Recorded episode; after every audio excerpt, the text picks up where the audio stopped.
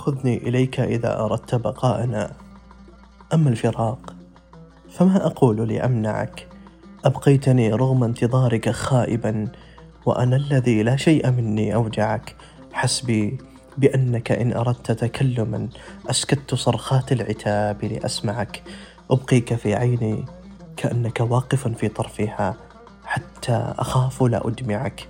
لا زلت أبكي مذ رحلت كأنما في كل ثانية بكائي ودعك وتؤزني ذكرى رحيلك كلما قالت ظنوني أنني من ضيعك لكنني والله يعلم حالنا رغم ابتعادك كنت وحدي أتبعك.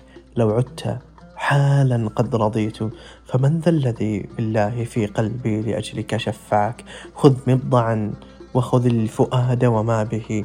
سترى امتناني إذ أقبل مبضعك لست الذي لك قد تظن مدامعي. حتى ولو ظنت بذلك أدمعك. ولقد ضممتك مرة من لهفتي. حتى حسبتك قد تلاقي مصرعك. وشممت عطرك مرة في مخدعي. أو بعد ذاك تظن أني أخدعك. وتركت عدل العادلين جميعهم. لما أتوك وكنت ترخي مسمعك وهممت أدعو للإله بحرقة ألا تفارق في الصبيحة مضجعك لكنني بدلت دعوة حانق لدعاء أم في الصلاة لترفعك. والله قلبي لا يطيق جفاءنا والله نبضي لن يبارح أضلعك. والله عيني من بكائك قرحة في وجه من هلا ورحب مطلعك. والله أخشى من عواقب حرقتي ألا يصيبك ما أصبت ويفجعك. أبكي كما أبكيك لكن رحبة رحما لقلبي أنت أنا أقطعك والله آه لست أدري حالها. لو قلتها بالله هل لا ترجعك؟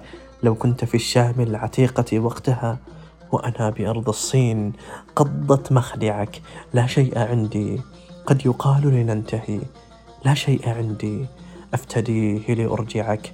لا شيء عندي كي أدثر وحدتي إلا زيارة من عرفت وموضعك. خذني إليك وإن نويت فراقنا. خذني نديما في الطريق أودعك. خذني ولو ذكرى جوارك تصطلي وإذا نويت فراقنا. خذني معك.